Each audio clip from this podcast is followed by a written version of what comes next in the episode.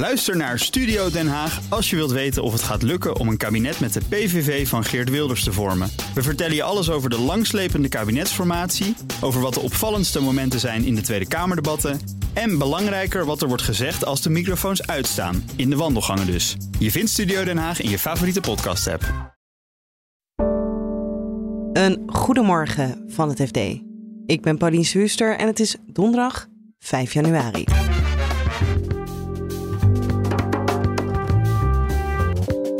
Als supermarkten overal in Europa producten zouden kunnen inkopen, worden onze boodschappen goedkoper. Maar de vraag is of dat snel gaat gebeuren. Nou ja, er is binnen de Europese Commissie eigenlijk al eh, ongelooflijk lange stammenstrijd gaande over deze hele kwestie.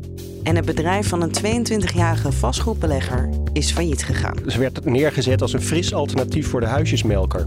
Ja. Maar ja, uiteindelijk is het toch wat anders gelopen. Dit is de dagkoers van het FD. We beginnen met het vastgoedbedrijf dat is opgericht door een 22-jarige ondernemer, Property Home. Vorige maand vroeg het bedrijf al uitstel van betaling aan en nu is het failliet. Je hoort onderzoeksjournalist Bart Mos. Dat is een bedrijf dat eh, speciaal voor eh, jonge starters eh, in Amsterdam en Utrecht woningen opkocht. En die jonge starters die konden daar dan een aantal jaar in wonen als huurwoning. En de huur die ze dan betaalden in die eerste jaren dat werd afgetrokken van de koopprijs die ze dan na twee, drie jaar betaalden. Ja, dus dan eigenlijk een manier om huizen te kopen voor mensen die zelf geen huis kunnen kopen. Precies.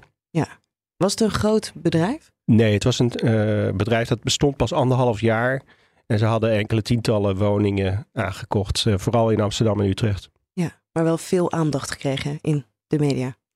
Ja, ze kregen eh, behoorlijk wat aandacht. Televisieuitzendingen, quote, Volkskrant. Eh, ze werd neergezet als een fris alternatief voor de huisjesmelker. Ja. Maar ja, uiteindelijk is het toch wat anders gelopen. Want wat is er misgegaan? Ja, over en weer worden de beschuldigingen geuit. Eh, de financier zegt dat er documenten zijn vervalst. De curator zegt dat er beschuldigingen van fraude zijn geuit.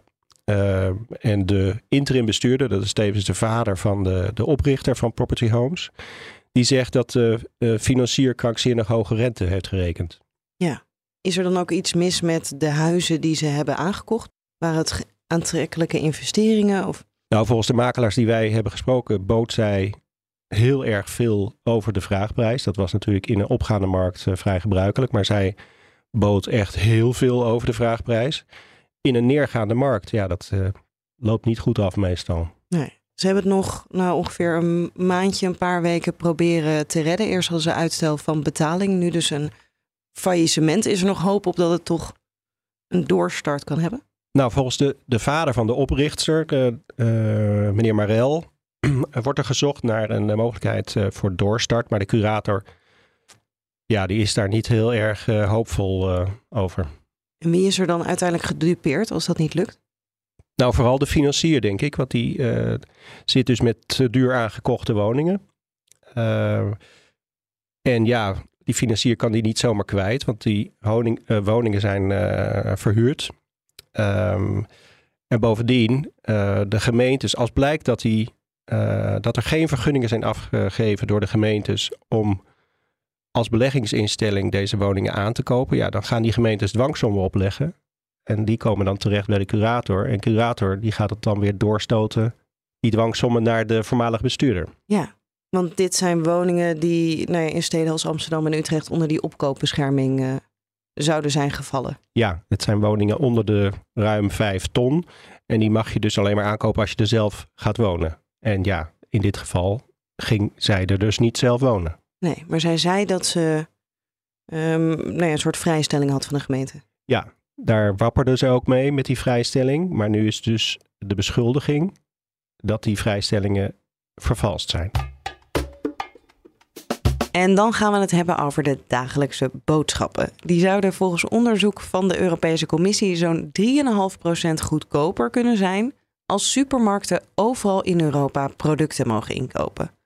Tot frustratie van de supermarkten laten leveranciers dat nu vaak niet toe.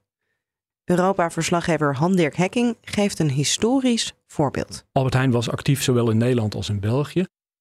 wilde zaken doen met AB InBev, de bekende Belgische bierbrouwer, bekend van Jupiler bier. En waar Ahold of Albert Heijn toen tegenop liep, was eigenlijk dat, oké, ze wilden bier inkopen in Nederland voor de Nederlandse markt, maar ze zagen dat als zij bier inkochten voor hun Belgische winkels in België, dat AB InBev in België een hogere prijs rekenen dan in Nederland. Dus dachten ze van, hé, hey, maar hier kunnen we onze voordeel uithalen. We, verkopen, we kopen al ons bier van AB InBev kopen we in Nederland in, want dan krijgen we gewoon een betere prijs. En een gedeelte van wat we in Nederland inkopen en geleverd krijgen, gaan we dan vervolgens in onze Belgische winkels neerzetten. Dat is in het begin ook gelukt. Uh, dat leidde ook tot ergernis bij de concurrenten van Albert Heijn in België. Die begonnen te klagen bij AB InBev over het feit dat zij dus maar weg werden geconcurreerd op de prijs van goedlopende bieren zoals Jupiler. Uh, maar AB InBev vond dat zelf ook heel vervelend, want dat leidde natuurlijk gewoon tot uh, ondergraving van hun eigen ja, verkoopstrategie in België zelf. En uh, ja, uiteindelijk gaat het natuurlijk gewoon om van, het zijn natuurlijk geen filantropische instellingen, die fabrikanten. Ze willen ons allemaal voeden en, en ze maar te drinken geven, maar ze willen ook natuurlijk gewoon ze maar, een aardige marge op hun producten halen. En wat Albert Heijn eigenlijk deed, zeg maar, door deze strategie, is eigenlijk zeg maar, de marges van AB InBev ondergraven. Dat vond AB InBev vervelend en vervolgens begonnen ze dus Albert Heijn dwars te zitten bij het ja, de Nederlandse inkoop. Ja, wat deden ze dan? Ze hebben in eerste instantie hebben ze geprobeerd, uh, natuurlijk via allerlei brieven en overleggen, om steeds maar Albert Heijn te pressen om maar gewoon vooral voor de Belgische winkels in te kopen in België. Dat werkte niet. Vervolgens dachten ze van we verzinnen iets anders. We gaan dus uh, verpakking gaan we aanpassen. We zorgen ervoor dat uh, de verpakking die we in Nederland uh, hebben, bijvoorbeeld qua volume van, van blikjes bier, dat die net even wat anders is in Nederland dan in België. En dan kan Albert Heijn die rommel niet meer verkopen in België, want de Belgische klant wil die verpakkingen niet. Die is niet gewend aan dat soort andere soorten verpakkingen.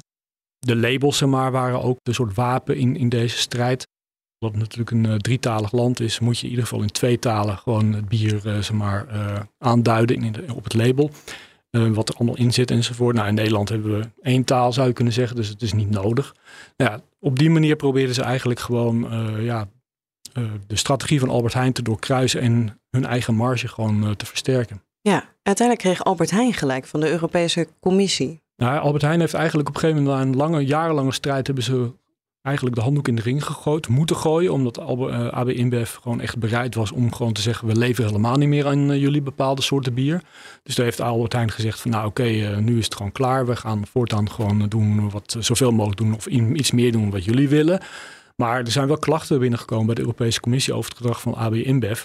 En die heeft uiteindelijk hebben ze onderzoek gedaan naar de gang van zaken, hoe uh, de Belgische bierbrouwer zich heeft gedragen. En die kwamen tot de conclusie dat het eigenlijk strijdig was met de mededingingsregels. En vervolgens heeft AB InBev dus een boete van uh, 200 miljoen euro gekregen daarvoor. Ja, maar de regels zijn wel op dit moment zo dat je mag gewoon, ik mag, stel ik ben Coca-Cola, dan weigeren om een supermarkt in Nederland mijn Duitse Coca-Cola te verkopen en gewoon zeggen, ja, ga maar naar Amsterdam, koop het daar maar. Ja, dat, dat mogen ze zeggen. De vraag die daarbij altijd ontstaat is van, is dat nou illegaal of niet? Soms kun je zeggen als bijvoorbeeld een bepaald merk of een bepaalde fabrikant een ongelooflijk dominant uh, product uh, verkoopt, uh, dan is dat eigenlijk misbruik van marktmacht, zo'n strategie. Want dan zeg je eigenlijk van ja, je moet dit en dat doen en het is niet eerlijk zeg maar voor, voor de inkoper en uiteindelijk ook niet voor de consument. Maar als jij dus een dominant product hebt of en een dominante marktpositie en je maakt daar misbruik van, als de Europese Commissie dat kan aantonen, dan kunnen ze je daarvoor gewoon aanpakken via bijvoorbeeld een boete. Het probleem is dat dat soort onderzoeken A heel lang duren. En ten tweede is het ook zo van dat de Europese Commissie dat wel in dit geval van dat bier van AB InBev heeft, heeft aangetoond. Uh, maar dat is steeds maar op een individuele basis, op een ad hoc basis. Er moet iemand klagen, ze gaan onderzoek doen en er komt wel of niet een sanctie uit. Het grote probleem is eigenlijk dat supermarkten zeggen van ja, dit komt zo vaak voor. En zijn overigens niet alleen de supermarkten, maar ook bijvoorbeeld ook consumentenorganisaties. Dit komt zo vaak voor deze strategie. We willen eigenlijk dat er gewoon andere regulering komt uh, voor, uh, ja, voor producenten van levensmiddelen in Europa.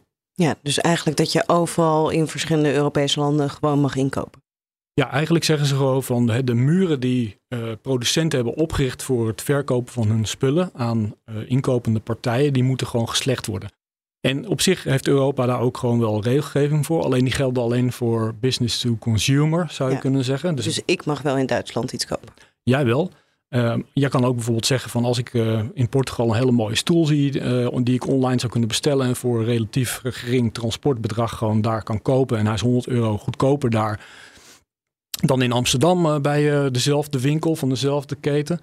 Dan zou je hem in Portugal moeten kunnen kopen. Europa zegt het is verboden als die Portugese organisatie dan tegen jou zegt: nee, nee, nee, je moet die prijs betalen in Nederland. Dat is verboden van business to consumer. Maar business to business is nog niet verboden. En dat is nou precies dat laatste.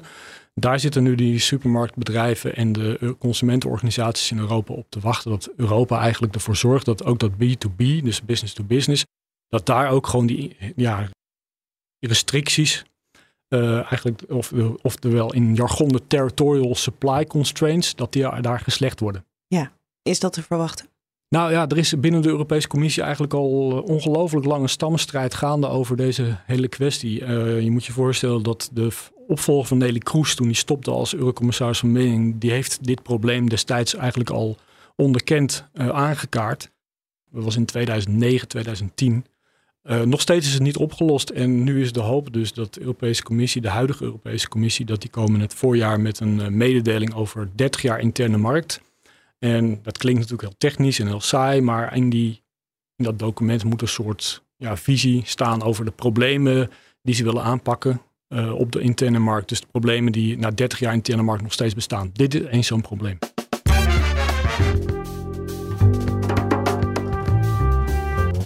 Dit was de dagkoers van het FD. Morgenochtend zijn we er weer met een nieuwe aflevering. Die krijg je automatisch binnen als je abonneert op dagkoers.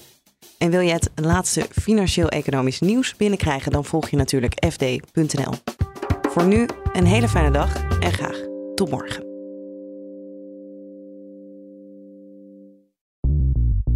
Bij BNR ben je altijd als eerste op de hoogte van het laatste nieuws. Luister dagelijks live via internet. Bas van Werven. En heel langzaam komt de zon op rond dit tijdstip. Je krijgt inzicht in de dag die komt op BNR, het Binnenhof in Nederland en de rest van de wereld. De Ochtendspits. Voor de beste start van je werkdag. Blijf scherp en mis niets.